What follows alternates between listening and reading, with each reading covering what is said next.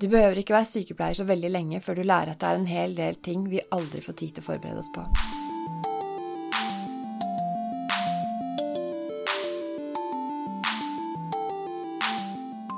Hei, og velkommen til Sykepleiens podkast. Liv Bjørnhaug Johansen er sykepleier ved nevromuskulær sengepost ved Drammen sykehus, og kvinnen bak sykepleiens faste spalte Liv Laga, som du her får høre i podkastversjon. Denne gangen er tittelen Bare et lite spørsmål. Hei, mamma, det er Liv. Jeg ringer bare for å spørre deg om noen småting.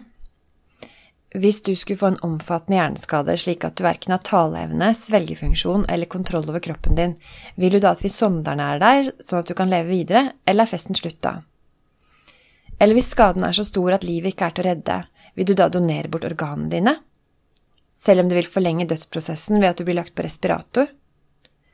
Hvis du blir dement, da? Hva tror du du vil foretrekke? Tryggheten på et sykehjem, eller vil du bli boende hjemme så lenge det lar seg gjøre? selv når du mater naboens katt med avispapir og går deg bort på vei til postkassa? Jeg bare lurer, for en dag er det kanskje meg de spør om alt dette, og det bør jo helst være ditt valg, ikke sant? Har du tatt den samtalen? Ikke jeg heller. Men hver gang jeg stiller pårørende disse spørsmålene på jobb, og de klør seg i hodet og ser i gulvet, da tenker jeg at jeg skal gjøre det. Snart.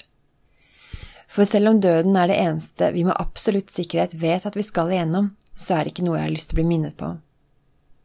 Jeg ønsker heller ikke å minne mine nære på at dette er også noe som angår dem. Det passer liksom aldri helt, så jeg venter litt til.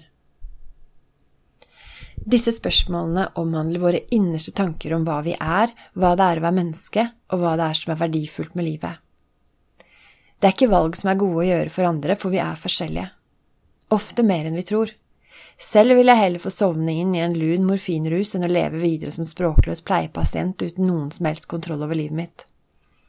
Mannen min derimot mener at en solstripe på nesa, litt omsorg, verdens daglige sanseinntrykk og et besøk i ny og ne er meningsfullt nok til at han heller vil leve enn ikke leve.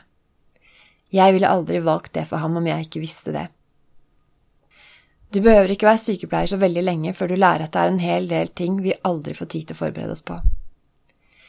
Liv og døden har en tendens til å ramle ned fra himmelen når vi minst venter det. Så spør.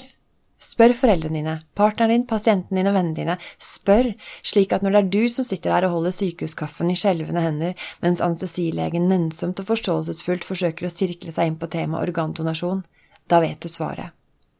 Og du kan være enig eller uenig, men det var ikke ditt valg å ta. Det var Liv Bjørnhaug Johansen med sin faste spalte Liv laga.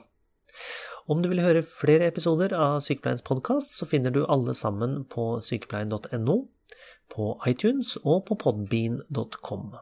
Om du bruker iTunes, så setter vi pris på en liten anmeldelse eller vurdering, og du kan også sende inn det du måtte ha av kommentarer og innspill til redaksjonen at sykepleien.no.